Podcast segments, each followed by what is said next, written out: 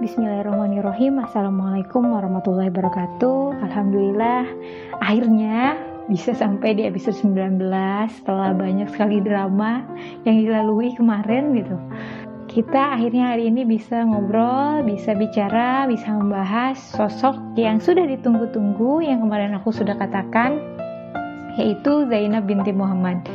Zainab binti Muhammad merupakan anak pertama, putri pertama dari Rasulullah dan ini dilahirkan ketika Rasulullah berusia 30 tahun. Jadi usia 30 tahun Rasulullah punya anak pertama. Dan tentunya sebagai anak pertama, Zainab memiliki karakteristik memiliki karakter yang bertanggung jawab, yang dia itu tangguh, pemberani, dan juga menyerap karakter dari kedua orang tuanya ibunya yang seorang at seorang yang suci, seorang yang dianggap sangat noble, sangat terhormat di kalangan kaum Quraisy dan juga menyerap karakteristik dari Rasulullah sebagai seorang yang disebut dikatakan sebagai al-amin, sang terpercaya. Nah, maka Zainab tumbuh dengan rasa bangga terhadap kedua orang tuanya dan tumbuh sebagai anak yang percaya diri, percaya terhadap orang tuanya, bangga terhadap orang tuanya, mencintai orang tuanya, eh, dan tumbuh sebagai sosok yang punya tanggung jawab juga gitu di rumahnya dan sebagai kakak dari adik-adiknya. Sampai pada masa dia di usia yang sudah siap untuk menikah dan pada saat itu dilamar oleh seorang yang juga terhormat yaitu eh, lamarannya ini datang dari sepupunya sendiri yang merupakan anak dari bibinya eh, dari sisi Khadijah. Jadi Khadijah punya saudara perempuan namanya Halah. Halah binti Khuwailid ini punya anak namanya Abu Al-As. Nah, Abu Al-As inilah yang kemudian menjadi suami dari Zainab binti Rasulullah. Nah, mereka menikah dan dikaruniai dua orang anak, satu laki-laki, satu perempuan. Yang laki-laki bernama Ali, yang perempuan bernama Umamah. Dan mereka hidup dengan sangat bahagia, seolah-olah itu adalah kesempurnaan ya, hidup yang sempurna, punya anak, suami yang dicintai, orang tua yang begitu support, menantu mertua yang hubungannya baik ya seperti itulah. Jadi secara dunia benar-benar hidup yang sangat perfect, yang sangat sempurna. Sampai kemudian ketika Rasulullah di umur yang 40 tahun, Rasulullah menerima wahyu ya. Dan di sini kemudian kita akan melihat bagaimana konflik yang dialami oleh Zainab. Pada saat itu Abu Al-As sedang bepergian ke Syria untuk berdagang seperti kebiasaan orang Arab pada umumnya dan dia tidak sedang ada di rumah. Nah, di sinilah adalah momen ketika Rasulullah mendapatkan wahyu dan mengajak orang-orang terdekatnya untuk memeluk Islam, termasuk adalah Zainab binti Muhammad. Zainab yang sudah mengenal orang tuanya dengan baik, me mengetahui karakteristik, mengetahui e, reputasi dari orang tuanya, dan sangat mengenal keduanya ini sebagai sosok yang terpercaya, tentunya menerima Islam tanpa ragu-ragu ya sebagaimana eh, sahabat-sahabat terdekat dari Muhammad pada saat itu. Maka Zainab memeluk Islam tanpa bertanya kepada suaminya Abu Al-As. Nah, ketika Abu Al-As pulang, Zainab mengatakan dia menginformasikan kepada suaminya, "Wahai suamiku, aku sesungguhnya telah berislam. Aku sesungguhnya telah menganut agama yang dibawa oleh orang tuaku, dibawa oleh ayahku, ayahku adalah seorang rasul, begitu kata Zainab. Mendengar hal itu Abu Al-As berkata, kenapa kamu nggak nunggu aku? Kenapa kamu nggak nunggu izin dariku? Begitu kata Abu Al-As. Kata Zainab, sesungguhnya aku tidak memerlukan izin untuk memeluk sesuatu yang hak. Gitu ya. Jadi suami istri, ya walaupun memang istri itu perlu hak perlu dapat izin ya dari suami tapi ketika itu menyangkut sesuatu yang urusannya adalah hak gitu ya sesuatu yang kebenaran gitu ya itu tidak memerlukan izin gitu. Jadi kalau sampai semuanya sampai harus diizinin gitu ya itu nggak benar juga. Nah maka Abul As berkata aku tidak bisa memeluk agama yang orang tuamu bawa karena sesungguhnya orang-orangku Banu Asad adalah orang-orang yang punya keyakinan terhadap nenek moyang dan aku tidak mungkin mengkhianatinya. Aku tidak mungkin mengkhianati orang-orangku, kaumku. Kalau aku memeluk Islam, mereka akan berkata, "Sesungguhnya aku telah memeluk Islam, mengkhianati mereka untuk menyenangkan suami istriku sendiri, untuk menyenangkan istriku sendiri." Begitu kata uh, Abu Al-As kepada Zainab. Kata Zainab, "Emangnya kamu nggak percaya sama aku, nggak percaya sama orang tuaku?" Bukan aku nggak percaya, kata Abu Al-As, tapi aku tidak bisa tahan, tidak bisa mendengar cemoohan dari Banu Asad kepada aku. Begitu kata Abu Al-As. Abu Al-As kemudian berkata, bisakah kamu mengerti bagaimana kondisiku saat ini? Bisa nggak ngerti gimana posisiku? Bisa nggak ngerti alasan aku ini? Begitu kata Abu Al-As. Zainab berkata, tentu aku akan mencoba untuk mengerti gitu ya. Karena kalau bukan aku yang ngerti, siapa lagi katanya gitu. Nah akhirnya Zainab uh, terus berdoa, terus berharap agar suaminya ini kelak akan memeluk Islam, tapi terus berada di sampingnya, terus mendampingi suaminya karena memang pada saat itu belum turun ayat untuk melarang. Jadi memang mereka masih bersama, masih satu rumah seperti itu sampai kemudian uh, turun perintah untuk hijrah. Nah, turun perintah untuk hijrah dan berarti dia harus memilih antara ikut bersama keluarganya yang muslim, ikut bersama Rasulullah, ikut bersama para sahabat kaum mukminin atau tetap tinggal di Mekah bersama dengan suaminya dan ini merupakan pilihan yang berat bagi Zainab. Di satu sisi dia mencintai Allah, mencintai suaminya, mencintai ayahnya. Jadi bagaimana dia harus memilih gitu ketika kesemuanya itu adalah orang-orang yang dicintai. Kepada ayahnya dia cinta, begitu juga dia melihat ayahnya sebagai rasulnya. Tapi di sisi lain dia melihat bahwa suaminya ini adalah sosok yang terhormat, sosok yang tidak menyangkal kebenaran, sosok yang baik, sosok yang melindungi dia dari uh, ancaman orang-orang musyrikin.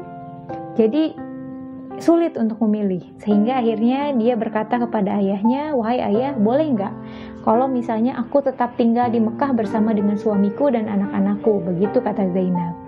Akhirnya Rasulullah berkata, boleh katanya gitu, boleh. Jadi Zainab tetap tinggal di Mekah bersama dengan suaminya dan anak-anaknya, walaupun dia harus berpisah dengan uh, sang ayah. Tapi setidaknya dia tetap bisa bersama dengan pasangannya, pasangan hidupnya.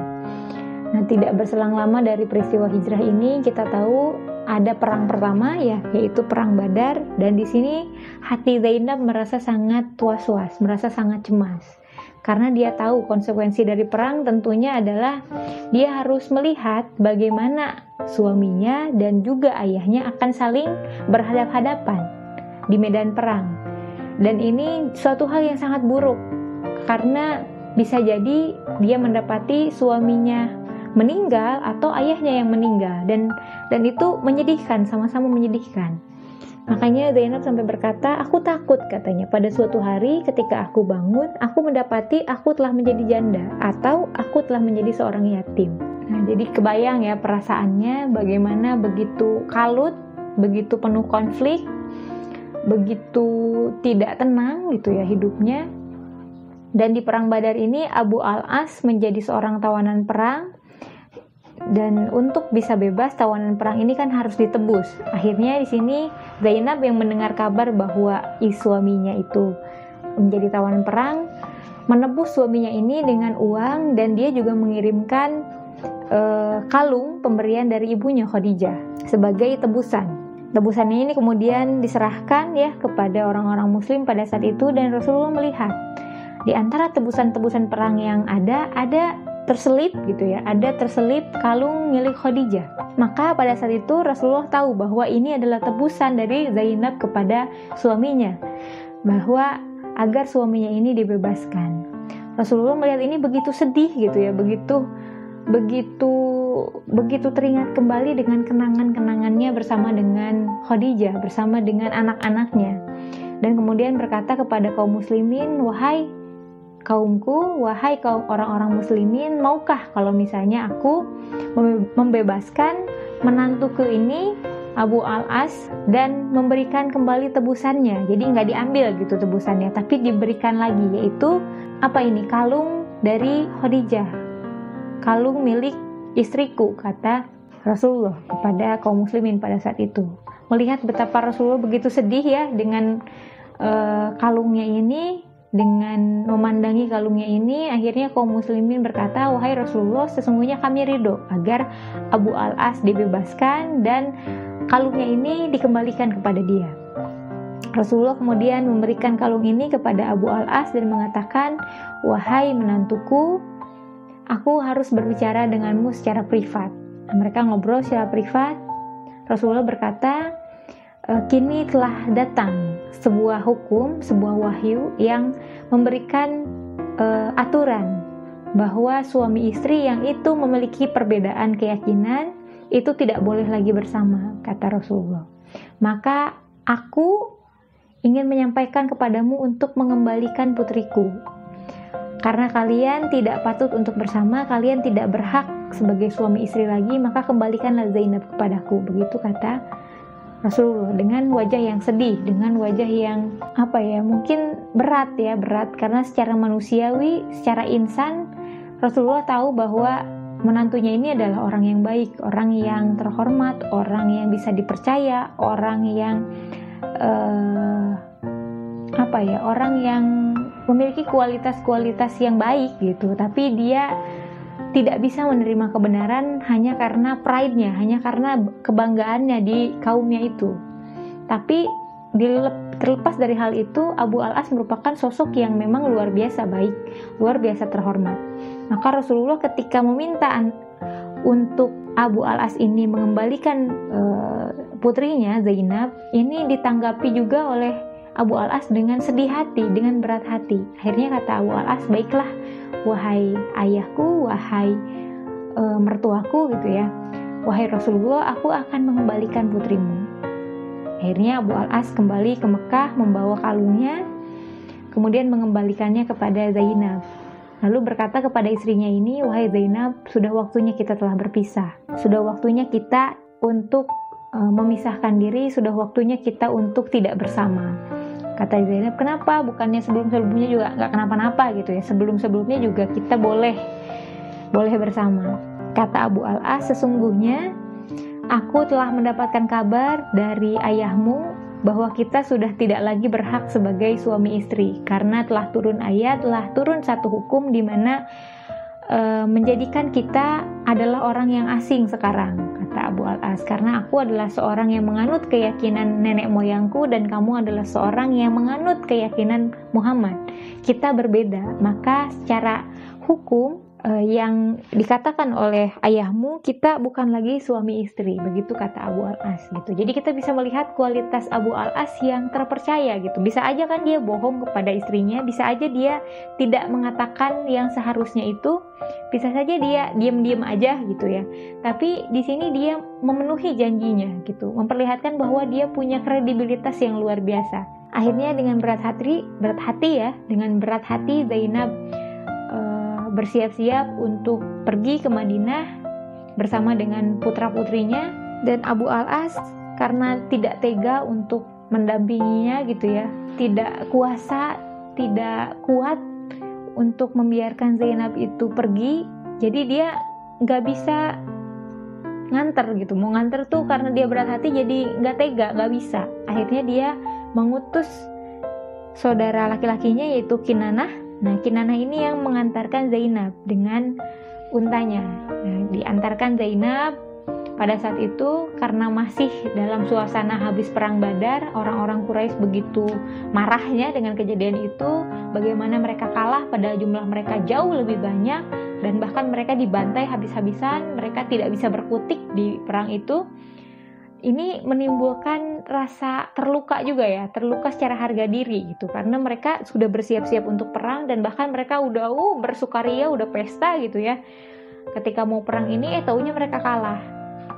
Maka ketika melihat Kinanah bersama dengan Zainab, putri dari musuhnya mereka, mereka jadi uh, apa ya murka gitu dan akhirnya mengejar Zainab dengan kudanya sampai kemudian karena ketakutan ya untanya ini dikejar-kejar Unta ini kemudian jatuh bersama dengan Zainab dan Zainab pun terjatuh dari untanya ini terpental gitu ya. Saking kerasnya benturannya sampai membuat e, Zainab pendarahan hebat hebat itu pendarahan yang sangat hebat sampai itu menggugurkan kandungannya. Ya, jadi pada saat itu Zainab tengah hamil, lagi hamil.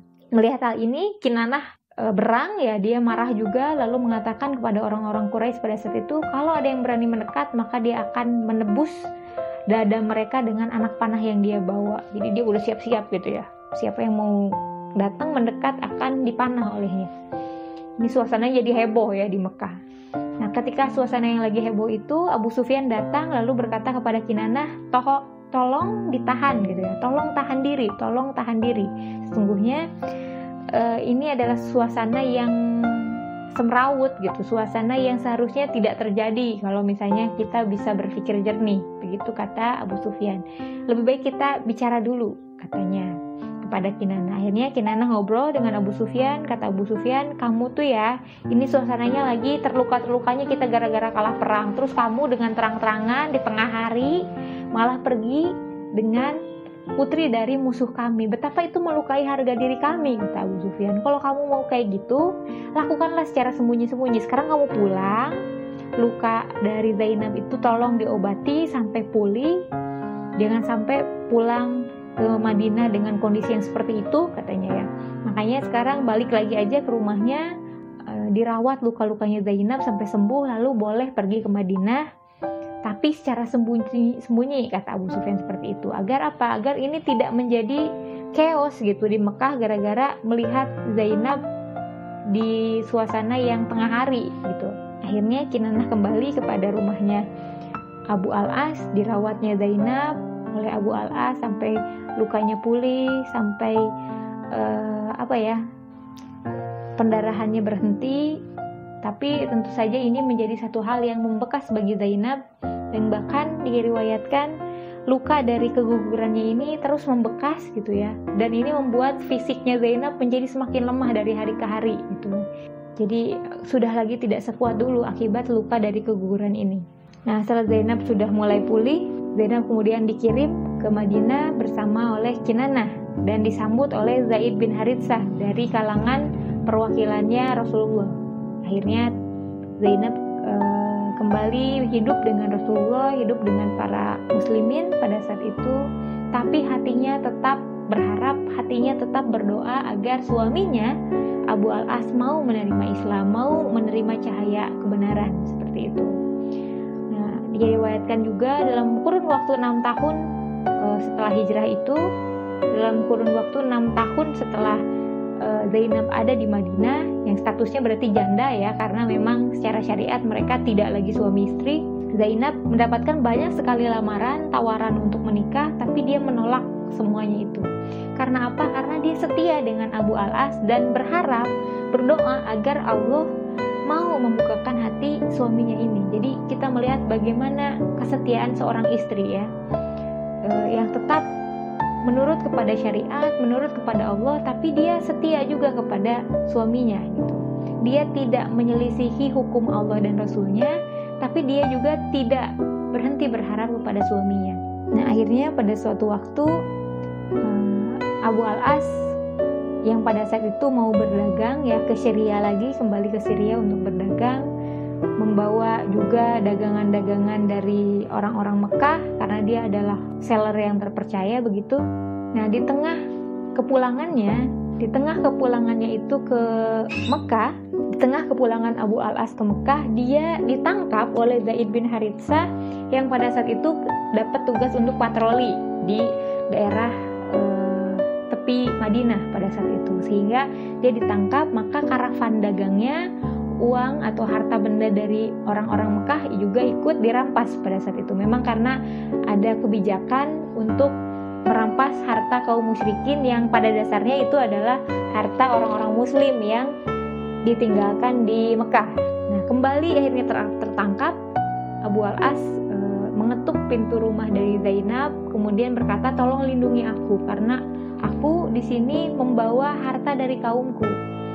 itu adalah hak mereka aku tidak mungkin pulang lagi ke Mekah nggak bawa apa-apa gitu. jadi tolong lindungi aku dan tolong kasih apa ya kasih tolong ngobrol lah gitu ya sama ayahmu untuk mengembalikan lagi apa yang menjadi harta bendaku menjadi harta benda dari kaumku akhirnya Zainab mengizinkan Abu Al-As ini datang ke rumahnya itu kemudian eh, apa ya mengizinkannya untuk masuk gitu ya eh, dan bertemu dengan anak-anaknya sementara Zainab pada saat itu keluar gitu ya untuk mencari Rasulullah itu agar apa ya untuk meminta izin seperti itu. Nah pada saat itu ketika Abu Alas datang itu menjelang maghrib dan ketika subuh dan Zainab berkata kepada kaum muslimin sesungguhnya aku melindungi Abu Al-As.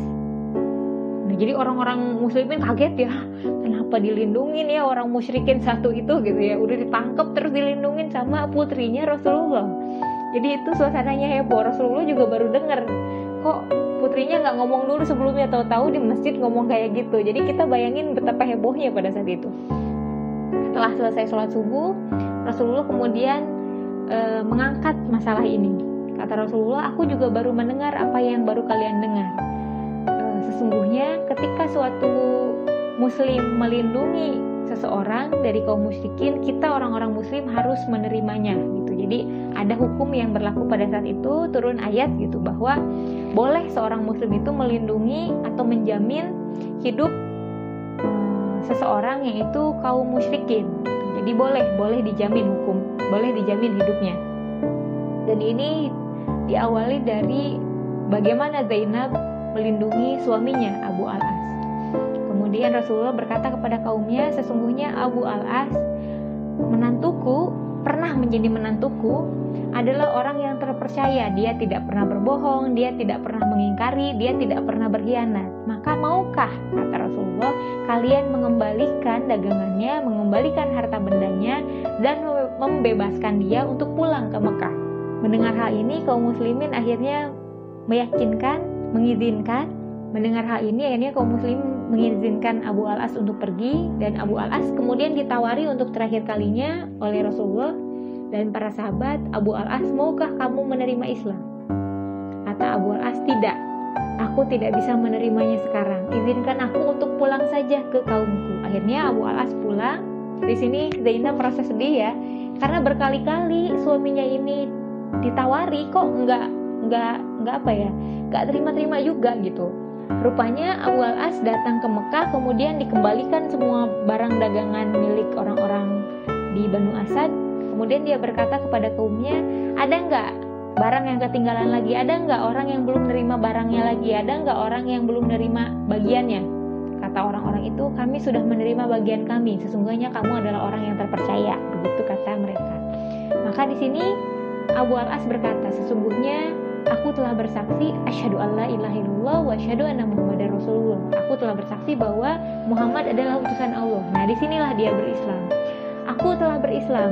Satu-satunya yang menghalangiku untuk berislam adalah aku tidak mau kalian mengira aku berislam gara-gara aku mau mungut harta kalian, begitu katanya. Jadi akhirnya Abu Al-As menerima Islam, memeluk Islam dan kembali ke Madinah menyatakan keislamannya dan ini tentu saja disambut dengan luar biasa bahagia oleh istrinya, oleh Rasulullah dan mereka dinikahkan kembali. Ada yang meriwayatkan seperti itu. Dan mereka menjalani kembali hidup yang lengkap ya, komplit. Ada anak, ada ayah, gitu. ada orang tua yang begitu menyayangi mereka. Dan ini menjadi apa ya? Hidup yang lengkap karena mereka ada di satu keyakinan yang sama. Sesungguhnya ini mengajarkan kepada kita bahwa seberapapun, sebagaimanapun kita mencintai suatu makhluk, mencintai seseorang, ketika orang itu berseberangan keyakinan dengan kita, itu adalah halangan paling besar. Dan ini dirasakan oleh Zainab ketika suaminya sendiri adalah orang yang terhalang akan kebenaran. Ini menjadi suatu yang menyakitkan gitu karena kita tahu kita saling cinta tapi perbedaan kita terlalu jauh gitu jadi ini benar-benar apa ya benar-benar kisah cinta yang luar biasa Abu Al-As tidak mau menerima Islam hanya karena dia cinta kepada istrinya dan Zainab tidak mau memaksa Abu Al-As karena ingin agar suaminya ini memeluk Islam akan kesadarannya sendiri. Jadi kita melihat bahwa di sini dua orang ini begitu sangat bersabar, begitu sangat berharap agar kembali bersama dan Allah menakdirkan mereka kembali dengan satu cerita yang indah karena akhirnya mereka kembali dalam satu naungan yang sama dengan keyakinan yang sama dan tidak ada nikmat yang lebih besar dibanding ini. Dibandingkan mendapati bahwa pasangan kita memiliki keyakinan yang sama dengan kita ya. Betapa luar biasanya hal itu. Itu adalah kenikmatan, itu adalah kebahagiaan. Maka kita harus berbahagia ya yang punya pasangan saat ini berbahagialah bahwa pasangan kita adalah orang yang sama-sama meluk Islam sama-sama memiliki keyakinan kepada Allah karena sesungguhnya Zainab begitu berharap kepada Abu Al-As untuk mau menerima Islam dia tidak berharap yang lain hanya berharap bahwa suaminya menerima Islam. Oke kita lanjut. Mereka akhirnya kembali bersama namun sayang sekali kebersamaan itu hanya singkat sekali karena setahun berselang setelah itu Zainab wafat dikarenakan bekas luka dari pasca dia jatuh ya. Waktu dia mau hijrah pada saat itu begitu membekas yang membuat dia terus menerus dalam kondisi yang uh, melemah melemah melemah sampai akhirnya harus wafat setelah satu tahun ketika mereka sudah bersama betapa ini adalah suatu hal yang menyedihkan bagi Abu Al-As. Mungkin dia juga menyesal ya kenapa dia baru bersama dengan Zainab di detik-detik ketika kehidupan Zainab sudah akan berakhir gitu. Jadi betapa apa ya Allah mencintai Zainab dengan memanggilnya lebih cepat gitu. Sehingga tidak merasakan lagi kepahitan, tidak merasakan lagi penderitaan. Karena memang katanya luka yang dideritanya itu luar biasa ya setelah jatuhnya itu. Jadi setelah keguguran itu tubuhnya memang lemah gitu sehingga akhirnya Beliau wafat dan ini menimbulkan duka yang luar biasa bagi suaminya Abu Al-As dan juga bagi Rasulullah tentunya. Semoga Zainab ada di sisi Allah di tempatnya yang terbaik dan semoga bisa bertemu lagi dengan keluarganya, bertemu lagi dengan suami yang sangat dicintainya yang dia telah membuktikan kesetiaannya kepada Allah, membuktikan kesetiaannya kepada suaminya juga. Semoga kita termasuk orang-orang yang itu memiliki keimanan yang membuat kita bertahan, membuat kita uh, mau ada dalam situasi yang itu apa ya bergantung kepada Allah atas apa pun yang kita alami mau bergantung kepada Allah atas apa pun yang menimpa kita dan tidak berhenti berharap tidak berhenti berdoa atas sesuatu yang kita inginkan. Itu itu yang diajarkan oleh Zainab. Kesabaran yang luar biasa yang dia menunggu begitu lama menunggu begitu begitu begitu begitu sangat panjang gitu. Penantian yang begitu panjang yang yang menantikan bahwa suaminya ini bisa memeluk Islam gitu. Dia menantikan sangat bagaimana suaminya ini bisa memeluk fitrahnya seperti itu dan penantiannya yang lama ini terbayar dan baru setelah itu satu tahun kemudian beliau meninggal gitu. Ya betapa Allah telah menjawab doanya luar biasa. Dari Zainab kita belajar untuk bersabar belajar kesetiaan yang luar biasa dan belajar untuk tetap memprioritaskan Allah dan Rasulnya di atas kecintaan kita kepada yang lain. Masya Allah. Itu dari aku. Wassalamualaikum warahmatullahi wabarakatuh